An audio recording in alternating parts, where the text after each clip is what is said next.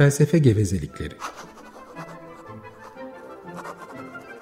20 yıl sonra tekrar.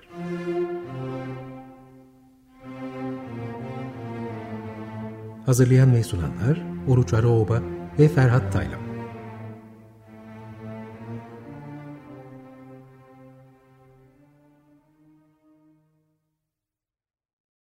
Evet efendim iyi günler. Biz yine buradayız. PBX'li telefonumuz da mevcut biliyorsunuz. 296 23 89 Avrupa tarafı. Bu ben artık yapmıyorum bu programı. Bizim çekirge yapıyor. Öyle demeyelim de. Bugün de daha iyi yapsın çünkü ben hafif bahar nezlesi halindeyim. Sesimden de anlıyorsunuzdur. Yapmamdan da. Hadi başla bakalım. Şimdi, Bugün tehlikeli bir konu getirmiş efendim çekirge. Hmm, düşünce özgürlüğü. Düşünce özgürlüğü. Bir miktar tartışalım diye hmm. biraz baktım. Ee, aslında önce ilginç bir, bir şey gördüm. Ee, Anayasa Mahkememiz demiş ki düşünce kişinin iç aleminde kaldığı sürece sınırlanamaz. Ve hatta başka bir yerde de e, düşünce özgürlüğü bireyin iç dünyasında kaldığı sürece hukukun mutlak korumasından yararlanabilir. Evet. Ha. Ben şimdi bunu anlamadım. Hukuk nasıl girecekmiş kafanın içine? İşte ben bunu anlamayınca şey sordum. Mesut Can Karatay Üstad'a sordum. O da dedi ki şöyle bir önerisi oldu. 15 gün arayla e, savcılığa gidip beyin endoskopisi yaptırmak faydalı olabilir dedi. Yani Hı. şu anda hukukun korumasında e, ama her durumda bilmeleri için yani mesela sınırlamak istedikleri zamanda düşünmeyi e, beyin endoskopisi en sağlıklı çözüm olur dedi. Beyin endoskopisiyle düşünceler çıkıyor muymuş? İşte bir takım kaslara bakılabilir dedi. Hı. Çok ayaküstü konuştuk ama şey diye de uyardı. Yani e, bazı kasların da ellenmemesi lazım dedi. Yani yanlış bir şey olmasın falan. Hı. Evet demin de bana dedi. Ne dedi bakayım Vasco bilmem ne bilmem ne olduğu zaman Vasco bir şey baş ağrısı olur dedi. Benim baş ağrılarımdan söz ettim de. Evet. Şimdi istersen um, Wittgenstein'in bir sözü vardır. Garip bir sözdür. Onunla başlıyor. Diyor ki böyle çok da fazla hani yani bağlamı falan da belli değil. Böyle, öyle tek başına bir cümle. Diyor ki kafatasım açılabilir ve içinden beyin çıkmayabilir diyor.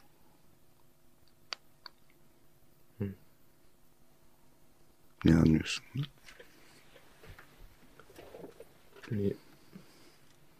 Kendisinin e, beyni olup olmadığından haberdar olmayabileceğini ne falan mı söylemek istiyor? Tamam bir kere o yani değil mi? Yani emin olun. Beyin ameliyatı geçirmemişsen bir beyninin olup olmadığını yani dolaysız olarak bilmiyorsun. Şey gibi biraz değil mi? Tahmin mi ediyorsun? Bir yani. beynin yüksek olasılıkla vardır. Diğer insanlarda varsa hani bende de olur. Diğer insanların beyinlerini gördün mü? İşte televizyonda bazen oluyor. Şimdi Medical Channel diye bir kanal var mesela. Hı. Böyle açıyorlar kafatasını. içeride beyin falan gözüküyor. Hı. Hafif evet, şey gibi geldi. Ben bana. de gördüm. Hafif kıpırdanıyor bir dediğim. Ee, sanıyorum. İşte kaslar evet. falan oynuyor. Atıyor gibi bir şey. Neyse. Yani ne demek istiyor Wittgenstein acaba bunda? Sizin yorumunuz nedir? Ee,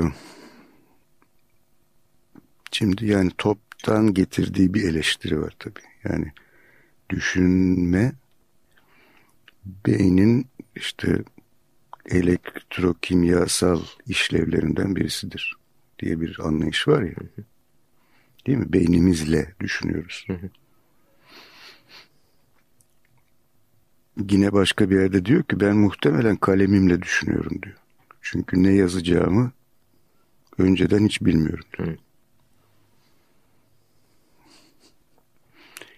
Yani nedir düşünmek? Nedir? İşte şimdi Henry Wittgenstein'e göre yani ne olmadığını söyleyelim.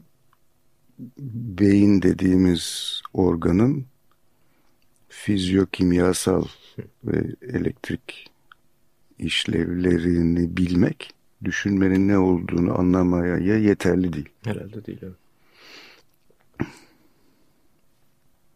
Ama burada tabii yani hukuk dilinde e, bir tuhaflık e, meydana çıkıyor demin konuştuğumuz şeyde yani e, iç alem kişinin iç aleminde kaldığı sürece yani. Or oraya zaten kimse giremez ki. Yani onun, onu söylemenin hiçbir anlamı yok. O yüzden yani tabii. o biraz da şey demek tabii. Bak sen kafanın içinde neler olursa ne, ne yapalım orada oluyor. Ona bir şey bir şey demeyiz. Sakın dışarı çıkarma. Evet, ona karışacak halimiz yoktu. Yani bir yandan çok saçma gözüküyor ama bir yandan da hafif bir ironisi de yok değil. Hı. Yani işin anlaşılan. Tabii bir diğer yandan da hukukun garanti altına aldığı veya sınırladığı şey tabii yani düşünmenin kendisi değil, onun ifade İfadesi. edilmesiyle ilgili. Ee, ama bu yani demin konuştuğumuz şey e, düşünme hakkı diye bir şey. Daha doğrusu bağımsız düşünme hakkı veya işte özgürce düşünme hakkı diyebileceğimiz şey e, neden bir insan hakkı olarak temellendirilemesin gibi bir e, soruda insanın aklına geliyor. Özellikle şeyle ilgili mesela e, işte yani öznenin e, büyük ölçüde kendi dışındaki yapılar tarafından düşündürtüldüğünü de e, Foucault ile falan beraber kabul ediyorsak bu düşündürtülme sürecinin oluşumunda ki etmen, etkenlerin de yani daha çoğulcu e, bir yapıları olmasını sağlanmasını da e, yani kamusal bir sorun olarak hukuku ilgilendiren bir şey olarak görebiliriz. Bu şeyle ilgili e, üçüncü kuşak insan hakları yani e, yeni durumlar, yeni ihtiyaçlar e, bağlamında bunların revize edilmeleri falan. Şimdi bak şey var yani yine psikolojinin etrafında dönüyoruz ama beyin yıkama diye bir şey var biliyorsun. Tabii. Şimdi bunu bulan da Pavlov'dur. Yani bulan değil de anlayan daha doğrusu. Şöyle bir olay oluyor. İşte Pavlov biliyorsun Rus psikolog. 20. yüzyılın başı. 19. yüzyılın sonu. Ee, işte köpekler üzerinin, üzerinde deney yapıyor. Ve çok iyi eğitilmiş köpekleri var. İşte bunlar kendi yani kafeslerinde duruyorlar laboratuvarda. Ondan sonra işte bir akşam e, bir sel oluyor. Ve laboratuvara su giriyor. Ve anlaşılan yani işte kafeslerin iyice yukarılarına kadar geliyor. İşte köpekler yani zor yüzerek burunlarını havada tutmaya çalışarak falan yaşayabiliyorlar. Ertesi gün Pavlov geldiği zaman e, laboratuvara bir bakıyor ki bütün köpekler en eski vahşi hallerine dönmüşler. Bütün öğrendiklerini unutmuşlar. Onun üzerine öyle işte onun üstünde bir takım çalışmalar yapıyor ve yani şöyle bir şey görüyor ki beynin bir anlamda bir, bir işte sigortası var. Yani çok büyük acı, çok büyük işte korku bilmem ne falan olduğu zaman sigortasını attırıyor beyin. Yani kendini e, zor durumda bırakmamak için. İşte bundan hareketle de hani bilmiyorum ne kadar doğru ne kadar yanlış. Yani Stalin döneminde özellikle epi kullanılmış. İşte kafanı tıraş ediyorlar. Kafana şıp şıp şıp şıp şıp su damlatıyorlar. Hiç etrafta ses seda yok bilmem ne yok. Yani işte sinirim bozuluyor. Sinir bozulma vardır ya işte yani evet. beynin Boşalt, boşalt, boşaltıyor beyin kendini. Şimdi bu tabii bir uç durum. Hı hı. Ama şeyi düşün. Ee, özellikle totaliter rejimlerde eğitim değil mi? Evet tam da ben de evet, ona gelecektim yani. Yani o da belli bir anlamda beyin yıkama değil mi? Kesinlikle tabii. Değil mi? Tabii. Hep bazı şeyleri tek yönlü olarak öğretirsen insanlara işte özgür düşünme hakkı dediğimiz şeyi ellerinden almış olursun. Evet. Kesinlikle. Yani milli eğitimle ve e, basın sansürüyle ya da e, tek taraflı basında evet. e, kitle iletişim imkanlarının sınırlandırılmasıyla vesaire yapılan e, endoktrinasyon ve bir yandan da işte başka perspektiflerin engellenmesi meselesi. Ama işte onun tersinde yani hukuki öznelerin yaptıkları seçimlerle yönlendirilen ya da yönlendirilmek istenen bir rejimde e, yani öznenin seçim öznelerin seçim yapabilecek halde olmaları da mutlaka önemli bir şey. Yani orada da şimdi ifade özgürlüğü ve görüş bildirme özgürlüğü olabilir mesela. Seçme özgürlüğü de olabilir tabii. E, ama yani ne bileyim aynı politikaları güden 10 ayrı siyasal parti arasından e, aynı e, bir konu aynı konumdan konuşan 10 e, ayrı televizyon kanalı tarafından oluşturulmuş e, bunlardan etkilenen özneler seçim yapabilirler mesela. Yani böyle bir özgürlük de olabilir. Hey, o, o özgürlük değil ki. Yani, işte yani. Orada çünkü çoğul, çoğulluk yok ki. Evet. Yani aynı şeyi birden fazla yapmak yani çeşitlilik demek değil. Hı hı. Niye önemli peki? Niye önemli olsun yani özgür düşünme, özgür ifade ede, edebilme? Nedir önemi? Yani ne bileyim ben yaşam özgür ya da yani yaşam hakkıyla karşılaştır. Yani düşün gayet açık değil mi? Yani yemek yemezsem ölürüm. Düşüncelerimi ifade etmezsem ne olur? Bilmem ne olur yani düşüncelerimi ifade etmezsem ama insan hakları kuramında... Etme kardeşim. Yani sonuçta aslında e, kişisel bir karar ya da seçime dönüşecek mesele tabii. Ama e, Yok hayır yani hukuk açısından yani. Hı. Hukuk açısından o e, bir ölçüde net yani şeyde mesela hiç kimse düşüncelerini e, ifade etmeye zorlanamaz deniyor mesela. Önemli bir şey olarak. O öteki taraf. Olarak. Evet yani ters taraf. Ama kimi durumlarda da seçimlerde vesaire etmekte zorundalar. Niye? Yani niye bu yani önemli bir hak olsun? Ya da niye bir hak olsun? Evet niye bir hak olsun yani? İlkemizi uygula. Ne çiğnenir? Bu çiğnenirse. Ne çiğnenir? Ben sana hayır, sordum da. Tamam yani de hayır bu sorulara bu şekilde cevap vermekte zorlanıyorum yani.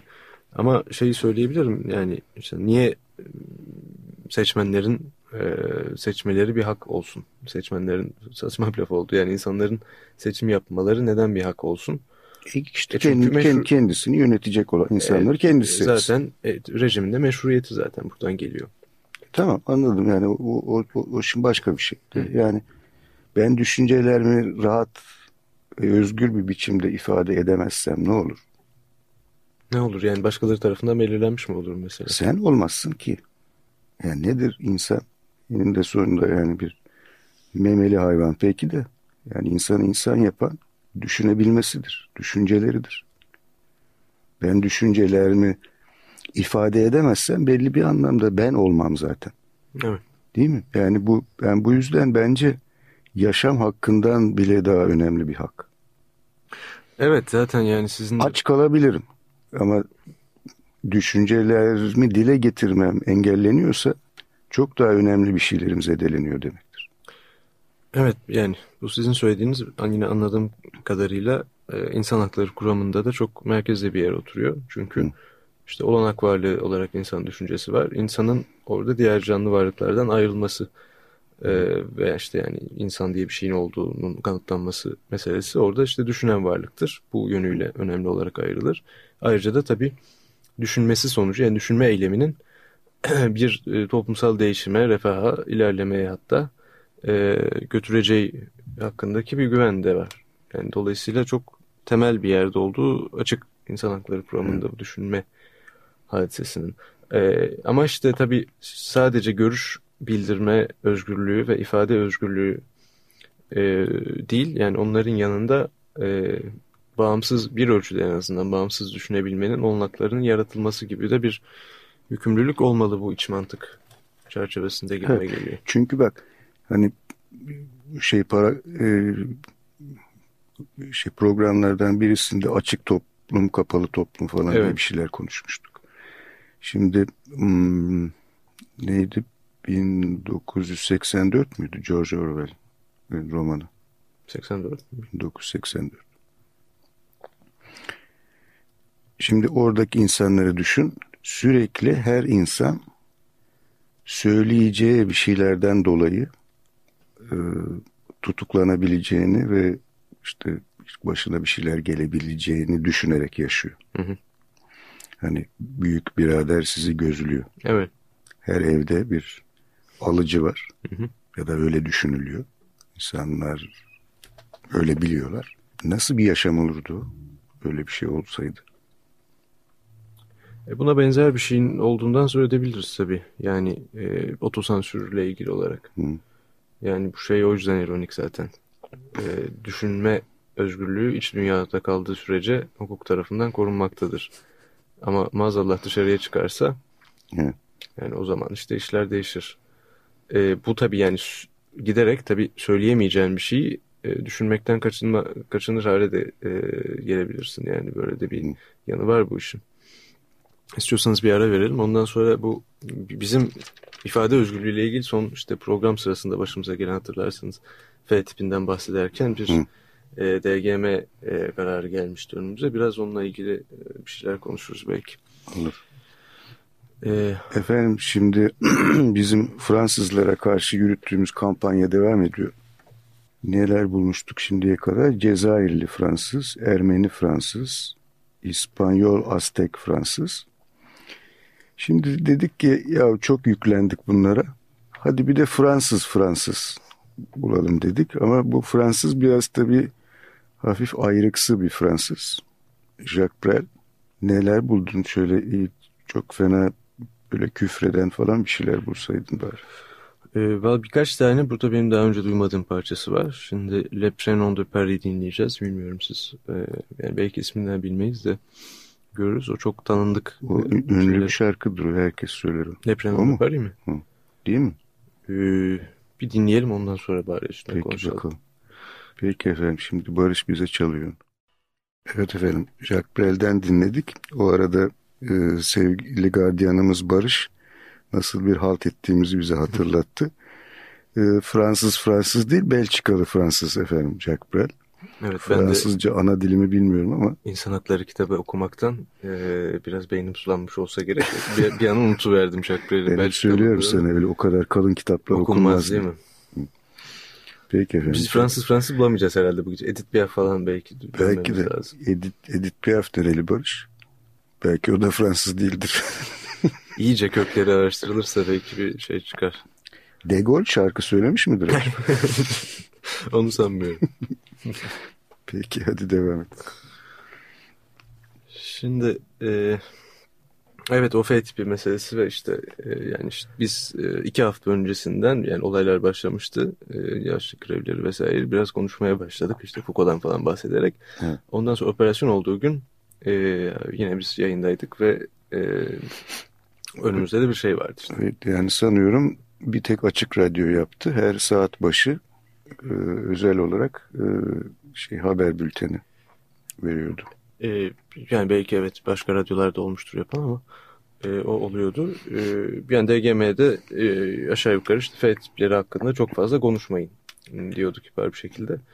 Yani çok yasal bir fazla, şekilde. Nasıldı deyimlerini hatırlıyor musun? Ben ah, hatırlamıyorum. Onu, yani e, şöyle bir şeydi aşağı yukarı galiba. E, gereğinden fazla. Gereğinden fazla evet. Yer verilmesi sakıncalı bulunmuş. Gibi bir laf. Gibi. Geçiyordu. Biz de hakikaten o gün çok fazla konuşmadık bunun üzerine. Ve insanların ölmelerine ölmeleriyle ilgili çok fazla laf etmek zaten doğru değil değil mi? Doğru. Yani o, o evet. Değil mi çekirge? Yani ne yapalım? İnsanlar ölüyorlar işte. Ne var bunda yani? Hepimiz bir gün öleceğiz. Diye bir mantık da olabilir. Ölüm hoş bir şeydi. Çok fazla da söz etmeye gerek yok ya. Değil mi? Bence haklı DGM. evet onunla paralel şey de var mesela. Adalet Bakanı da o sırada çıkıp söz mü kaldı demişti zaten. Evet yani söylenecek bir şey de yok artık işte evet. ne yapalım de, alıp hastaneye taşıyoruz. Kimileri ölüyor yolda. Kim, kimileri söz ölüyor. düzleminden dışarı çıkmıştı mesela evet. Yani ama orada işte e, ilginç olan bir şey var yani hem bir sansür var tabii. Açıkça bir sansür var ama e, bir de bundan kaynaklanan bir otosansür meselesi de var. İşte. Ben şeyi hatırlıyorum 1983'te Milliyet Gazetesi'nin yazı işlerindeydim. Ondan sonra yazı işleri salonunda bir tane büyük sütun vardı yuvarlak. İşte biz yani sayfa sekreterleri buraya her sabah gidip o sütuna bakardık. orada sıkı yönetimin e, bildirileri olurdu. Şu şu şu şu konularda haber yapılmayacak diye. Hı hı. Hem de çok matrak. Bazısında yani sıkı yönetim komutanın falan da değil başçavuş imzalı bir takım şeyler hatırlıyorum. Telex'le gönderirlerdi onları galiba. Telex kağıdıydı. Biz de yani işte gazeteciler, özgür gazeteciler. Buraya bakardık şimdi haber yapacağız da acaba izin var mı yok mu diye. Evet. Tam da bu yani. Çift. O ama şeydi canım yani 12 Eylül'dü. O yani olağanüstü bir haldi. Hı hı. Bugün öyle bir hal yok. Değil mi? Özgür bir ülkedeyiz. Son Herkes istediğini olan... yazıyor. Değil mi Barış? Sen hiç duydun mu yani sansür falan diye bir şey? Duymadın değil mi? Bak işte Barış bile duymamış. Kesinlikle hayır. Olsaydı Barış bilirdi. evet. Evet yani işte orada çift taraflı işleyen bir sansür ve otosansür meselesi. İşte tabii yani biraz önce söylediğimiz yani insanların yani beyinlerinde zaten özgürlük yoksa yani başkalarının sansür etmesi gerekmiyor. Bir şiir vardır kimindir? Hatırlamıyorum şimdi. Ee, düşüncelerimde özgürsem dört duvar arasında da olsam yine de özgürümdür falan diye başlar. Shelley galiba. Neyse hatırlamıyorum.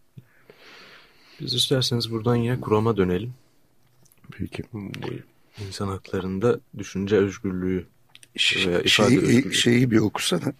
Ee, şu en başlangıçtaki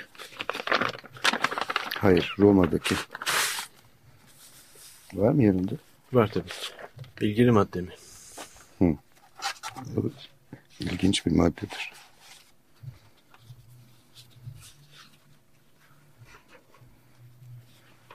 İfade özgürlüğüyle ilgili maddeden evet. bahsediyorsunuz. Evet. Hı hı. 10. madde evet bunu işte düzenliyor. İki fıkralık. E, birinci fıkrasında herkes ifade özgürlüğü. 10. madde. 10. madde. Roma Anlaşması yalnız bu insan hakları Avrupa Sözleşmesi'nden bahsediyorum. Bu o değil mi? O Birleşmiş Milletler'in. Ha. Birleşmiş. Peki onu da oku. Birleşmiş Milletler'i de okuyor. Şimdi e, Roma Anlaşması'nda e, işte herkes ifade özgürlüğü hakkına sahiptir. Bu hak kamu makamlarının müdahalesi olmaksızın ve ulusal sınırlarla kısıtlanmaksızın bir görüşe sahip olma, haber ve düşünceleri elde etme ve bunları ulaştırma özgürlüğünü de içerir. E, bu madde devletin radyo yayıncılığın, televizyon ve sinema işletmelerini izne bağlamasına engel değildir. Hı. Bu birinci kısmı. Peki. Ee, Bak ötekinde 18. madde.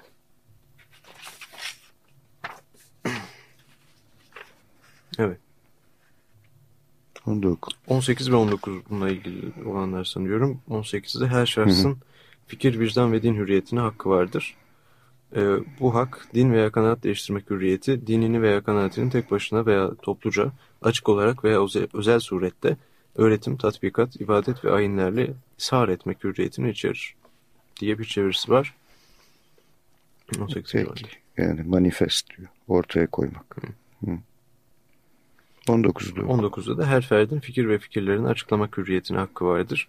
Bu hak fikirlerinden ötürü rahatsız edilmemek, memleket sınırları mevzu bahis olmaksızın malumat ve fikirleri her vasıtayla aramak, elde etmek ve yaymak hakkını içerir. Ne? Memleket ne? Memleket sınırları mevzu bahis olmaksızın. Sınırlar.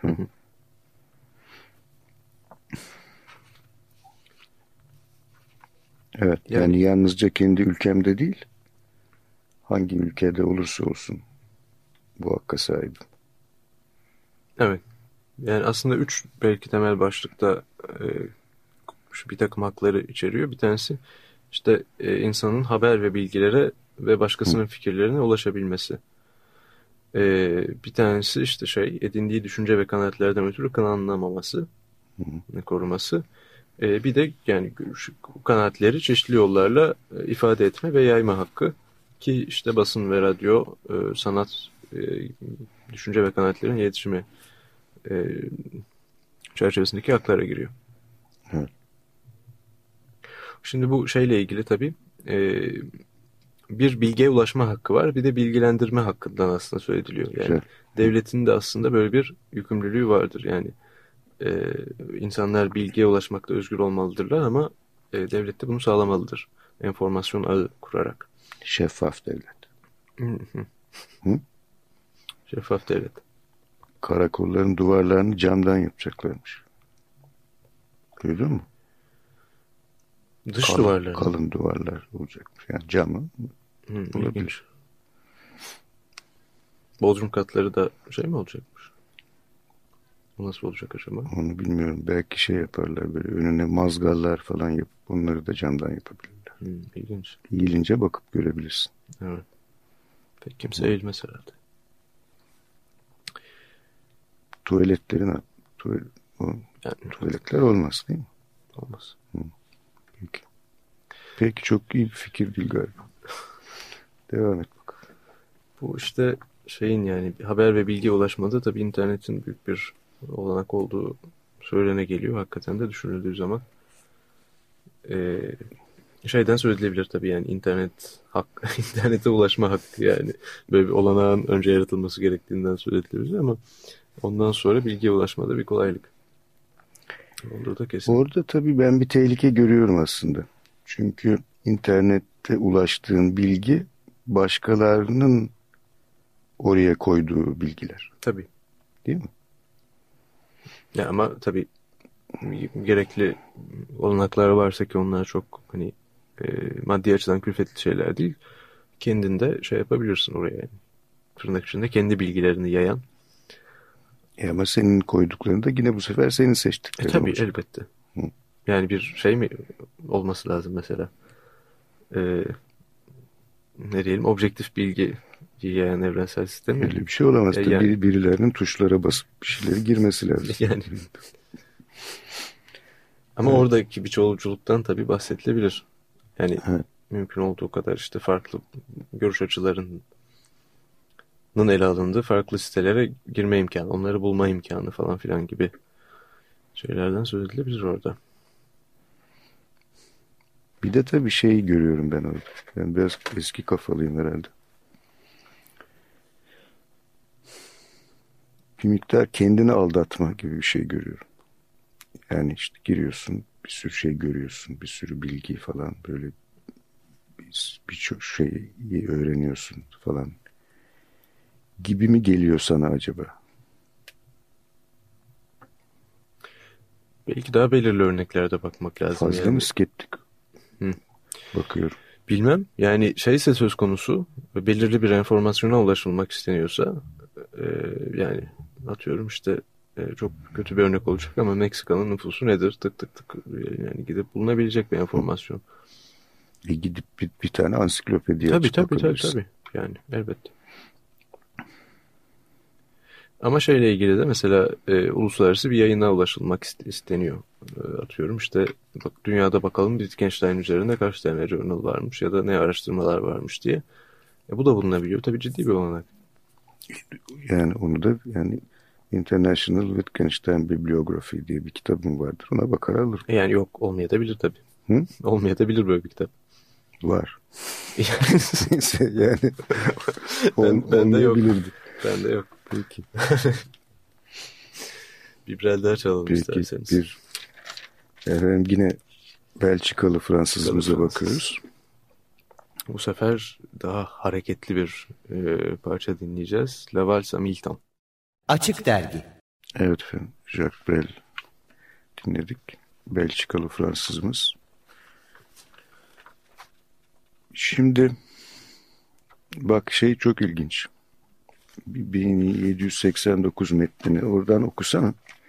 11 yok 10 ve 11. 10. madde. Dile getirilmeleri yasa tarafından kurulmuş kamu düzenini bozmadığı sürece hiç kimse dini bile olsa görüşleri yüzünden e, işte o hırpalanamaz gibi bir, bir şey. O çeviride tam o şey- Disquieted diyor. Yani Evet yani rahatsız edilemez. Rahatsız edilemez. 11. maddede e, düşünce ve fikirlerin özgür dolaşımı insanın en değerli haklarından biridir. Bu halde her vatandaş bu özgürlüğün yasa tarafından belirlenmiş kötü kullanım halleri dışında özgürce konuşma, yazma, yayın yapma hakkına sahiptir. Ama Devam ediyor mu? devam ediyor. Ee, benim çevirimde yok. Diyor ki shall be, but shall be responsible for such abuses of this freedom as shall be defined by law. Tamam işte yani ama Yasayla e, onu işte bu özgürlüğün yasa tarafından belirlenmiş kötü kullanım halleri dışında. yok ama diyor. Yani söyleyebilir Hı hı, ama sorumlu olacaktır. hı hı, hı, anladım. Yani bu 1789 metni çok ilginç yani şey daha özgürlükçü gibi gözüküyor ama aslında değil. Çünkü bak iki maddede de e, işte nasıl çevirdin yani kamu düzenini Bozmadığı sürece. bozmadığın bozmadığın sürece istediğini söyleyebilirsin. Ötekinde de istediği yani konuşabilirsin, yazabilirsin, basabilirsin ama yasa karşısında da sorumlu olursun. Evet aslında e, tabii yani yasal olarak uygulamalarda değişmiştir ama mesela e, hem şeyde Roma Anlaşması'nda hem de Birleşmiş Milletler İnsan Hakları Beyannamesi'nde yine ifade özgürlüğü e, kimi durumlarda sınırlanabilir diyor ve o durumlarda işte ulusal güvenlik, genel ahlak vesaire bunlar yani hala Evet. Varlar ama tabii yani anlaşılan mesela e, Avrupa'da e, örneğin işte İnsan Hakları Mahkemesi e, verdiği kararlarda e, daha şey dav- özgürlükçü davranabiliyor ya da davranmıyor mesela. Bizde e, Yargıtay ya da Danıştay çok fazla davranmıyor anlaşılan. Çünkü biliyor musun çekirge? Yani garip bir şey ama ya da belki hiç garip bir şey değil. Dünyanın alışılmış şey. Şimdi her ülkenin eee,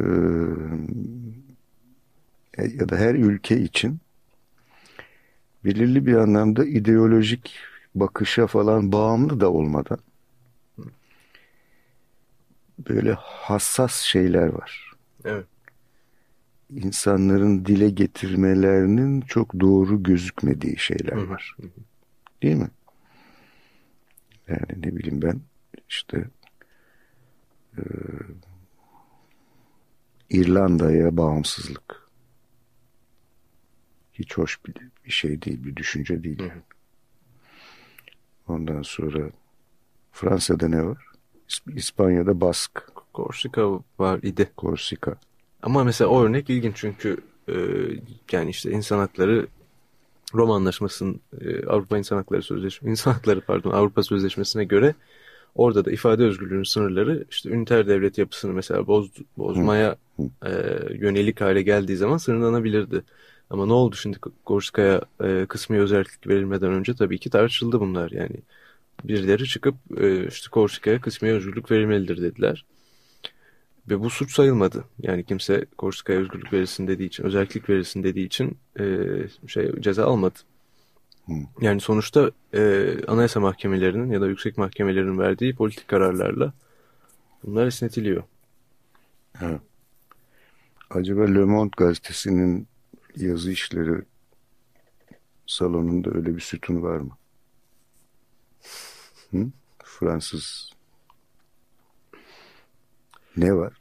Ne bakanlığı Fransa'da? Kim sansür koyabilir? Hmm, İçişleri Bakanlığı herhalde. İçişleri Bakanlığı. Ama yani böyle bir örnek tabii du- duymadım. Komünikasyon Bakanlığı falan yok mu? E, Kültür Bakanlığı'na bağlı galiba. Kültür ve Komünikasyon. Evet, Korsika konusunda gereğinden fazla konuşmayın diye bir yazı gönderilmiş olabilir. Le Monde'a acaba. E, bu yakın zamanlarda sanmıyorum. Ama mesela ne bileyim belki hani 20 yıl önce böyle bir şey olmuştur. Ve Vichy hükümeti zamanında. Yani ondan belki daha sonra da olmuştur yani. Spekülasyon diye gidiyor. Ama Evet. şey ilginç en azından yani bir takım yasalar konduktan sonra hatta mesela ülkelerin anayasalarını belirleyen bir takım uluslararası uzlaşmalar işte bu Roma Anlaşması gibi vesaire bunlar belli tarihlerde yapılıyorlar ve ondan sonra e, işte politik olarak bir takım değişimler oluyor. Mesela Korsika'ya kısmi özellik verilmesi artık daha olabilir bir şey olarak gözükmeye başlıyor. E, o zaman işte bu yasa yani işte doğru olan yapılması gereken vesaire konusunda düşünülmüş olan, e, yazılmış olan, yürürlüğe girmiş olan şeyler birdenbire hayır böyle değilmiş noktasına geliyor. Ama orada şey paradoksu var tabii yani e, o sırada yürürlükte olan bir yasaya karşı hayır bu böyle değildir demek tabii suç. Evet. Işte Ama yazı, bir yerde hepsi de, yazıyor. Evet bir yerde de değişiyor işte orada ilginç bir hukuku etkileyen politik süreç var tabii. Evet. Niye biliyor musun çekirge? Çünkü işte düşünce dünyanın yani insanın en önemli ya da en değerli şeyi olduğu için aynı zamanda da en tehlikeli şeyi. Tabii. Yani aykırı aykırı düşünmek belli bir anlamda gidip oraya buraya bomba atmaktan bile daha tehlikeli bir şey. O yüzden de işte siyasal iktidarlar yani bombadan daha çok önem veriyorlar düşünceye. Evet yani meşruluk düzenlerini etkileyen, bunları geçersiz kılabilen vesaire insanları etkileyen bir şey olduğuna göre. Yok yani ben şey düşünüyorum ya ille de bir eyleme falan yol açması falan da gerekmiyor. Kendisi tehlikeli olarak görülüyor. Tabii yani ben de eyleme yol açsın diye söylemedim. Yani o zaten bilinemeyebilebilir. Yani bir düşünce ortaya Evet, çıktığı yani zaman. işte Kim ne anlayacak ve ne yapacak ondan dolayı. Evet. Muzik bir şey söyleyecek gibi bir surat ifadeniz vardı ama sonra söylemediniz galiba. evet peki aklımdan geçti sen anladın söyleyeyim bari. Karl Kraus'un çok nefis bir lafı vardır.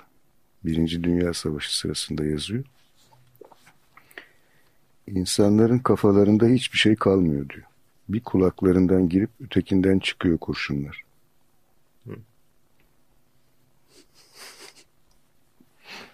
Evet. Peki yine kütük kitabını açtı efendim. Bakalım ne Açtım onunla şeye bakıyordum. oradan bir şeyler. Ee, şimdi bu biliyorsunuz e, Avrupa İnsan Hakları Mahkemesi Türkiye'yi e, mahkum ediyor bir süredir. Bir takım davalardan. Genelde de düşünce suçu denen bizde e, bununla ilgili şeylerden. E, 10. mahliyi ihlal etmekten mahkum giymiş. E, Neyle? 10. madde işte bu demin Ha. e, okuduğumuz maddenin ihlal edilmesinden dolayı. E, ilk defa 1988'de İncal, kar- İncal kararıyla e, mahkum edilmiş. Bu Bundan bahsetmek istiyorum. Biraz burada da kısa bir açıklaması var. Şimdi diyor ki İncal davasında önce komisyon... İncal nedir önce onu söyle ben Ee, bilmiyorum. Ben de bilmiyorum. Yani buradaki bilgilerden daha fazlasını bulamadım. Hı. Ee, İncal davasında önce komisyon sonra mahkeme davanın oluştuğu ortam ve koşullarda şiddete tahrik öğelerinin bulunmadığını saptamış. Ee, ve işte davacının öncelikle Kürt kökenli emekçilere karşı yerel yöneticilerce yürütülen siyaseti eleştiren ancak dağıtılmamış bulunan bildirinin yazımına katkıda bulunmaktan hapis cezasına çarptırılmasını demokratik bir toplumda kamu düzeninin korunması bakımından zorunlu bir önlem olarak kabul etmemiş. Yani Anladım. buradan Yani yazıl yazılmış ama dağıtılmamış. dağıtılmamış bir bildirinin yazımına katkıda bulunmuş. İncal belki de bir soyad ya da yani Herhalde öyle. öyle, öyle bir şey sonuç çıkıyor buradan. Ee, ve bu yüzden hapis cezasına çarptırılmış Türkiye tarafından Yazdığı için. yazdığı için Ama dağıtmamış. dağıtmamış. Tabii şimdi bu kararda Yani e, dağıtmış olsaydı ne diyecekti? Acaba şey. evet benim de aklıma o geldi. O zaman suç mu olacaktı? Ee, yani çok sanmıyorum. Yani işte yerel yöneticilerce yürüten siyaseti eleştiren bir şey deniyor. Ee, broşürmüş bu. Ee, işte yani ölçülü davranmadığını saptamış Avrupa e, İnsan Hakları Avrupa Mahkemesi. Türkçenin. Ee, şey ölçü yani ifade özgürlüğünü sınırlarken e, ölçülü davranmak ya da davranmamak. Ha yani Türk var. mahkeme Evet. ölçülü Evet, davranmış. evet, evet. evet. Hı. Evet. İşte burada da yani mevcut tabi yasalarında yorumu, anayasanın yorumu falan gibi e, konular var. Evet işte yani görüyorsun hepsinde var. Yani hepsi aslında yine skeptikliğim tuttu. Hepsi aldatmaca aslında bence. Nelerin? Bütün bu deminden beri okuduğumuz maddelerin hepsinde işte insan özgürdür, düşüncesini istediği gibi dile getirebilir ama ve lakin yasayla konulan bilmem ne, bilmem neyle bilmem ne yapılan diye hepsinin bir aması var. Evet. Değil mi? Hı hı. Evet yani şu, şu tür bir soru sorulabilir tabii samimiyetle ilgili. Yani e, işte bir hükümet ya da bir devlet neden e, yurttaşlarını özgür düşünmeye teşvik etsin veya bunu sağlasın? Mesela bunu işte şey e, bir ara bahsetmiştik e, kısaca Jacques Derrida e, bir şekilde soruyor. Yani çok kötü aktaracağım şimdi ama mesela felsefe eğitiminin verilmesini devlet neden sağlasın? Şu tür bir felsefe eğitiminden mesela e, bahsediyor. Hukukun meşruluğuyla ilgili bir ne diyelim enstitü kurulması felsefe açısından ilginç geliyor mesela diyelim ki bir takım felsefecilere. Yani e, bunu devlet şu düşünceyle mi yapacak? E, yani düşünce yaratılsın ve toplumun değişimine ve ilerlemesine ve işte refahına e, bu yolla katkıda bulunulsun diye teşvik mi edecek? E, yoksa yani hukukun meşruluğunu sorgulanması demek eh, bizim de yani meşruluğumuzun sorgulanması demektir ve bu yani istenir bir şey değildir diye bir politika mı güdecek? Orada bir şey var tabii bir gerilim en azından. Evet. Şimdi şey aklıma geldi. Ee, Londra'da Hyde Park vardır biliyorsun. Orada da belli bir alan vardır. Onun içinde herkes işte bir, bir, bir tane portakal sandığı alıp üstüne çıkıp nutuk atar. Herkes istediğini istediğini söylemekte özgürdür. Bazıları da tabii yani meczuplar çıkıp zırvalarlar da bazen. Ama bazen işte kendi, kendi görüşlerini anlatan insan bazen değil öyle insanlar çıkar. Ama şimdi tam hatırlamıyorum e, saatini diyelim saat 5'te ondan sonra şey, polisler gelir hadi bakalım der bitti. saat 5'ten sonra yasaktır. Yani ne bileyim her devlet en özgürlükçüsü bile ya da en özgürlükçü olduğunu söyleyeni bile aslında bu ben burada sözü edilen o, o laflara uymuyor. Belki yapısı gereği uyamaz. Yani çünkü her devleti işte ayakta tutacak belirli, belirlenmiş ve başka türlü düşünülmesi tehlikeli olacak düşünceler var. Evet. O bir yandan öyle bir yandan da evet. E, bizim bitirmemiz gerekecek. Evet efendim sevgili gardiyanımız Barış şey, hareket biçimlerini çoğalttı. İlk önce iki anlamına gelecek olan çatal işaretinden sonra iki tane işaret parmağını birbirine böyle şey yapıp o basketboldaki işaret değil mi? Öyle mi yapıyorlar mola derken? Evet. Artık bitirin. Bir, bir buçuk dakika gibi de anlaşılabilirdi. Neyse giderek süremiz azalıyor. Bıktım sizden diyor. Yüzünde bir gülümseme var ama bir yandan da bakıyor yukarıdaki saate. Peki evet. Biz yine yeterli gevezelik ettik mi bilmiyorum ama. Ben de bilmiyorum. Jacques Brel'i de doğru düz çalamadık. Bir parça daha çalabilecek miyiz acaba? Hayır. O, olamayacak. Peki yapıyor. Peki efendim. Saat 16, 24, 41, 42, 43, 44, 45. Hyde Park'ta 5'e kadar biz de 16, 24, 25'e kadar. evet efendim. Hepinize özgürlüklü düşünceler diliyoruz. Hoşçakalın. Görüşmek üzere.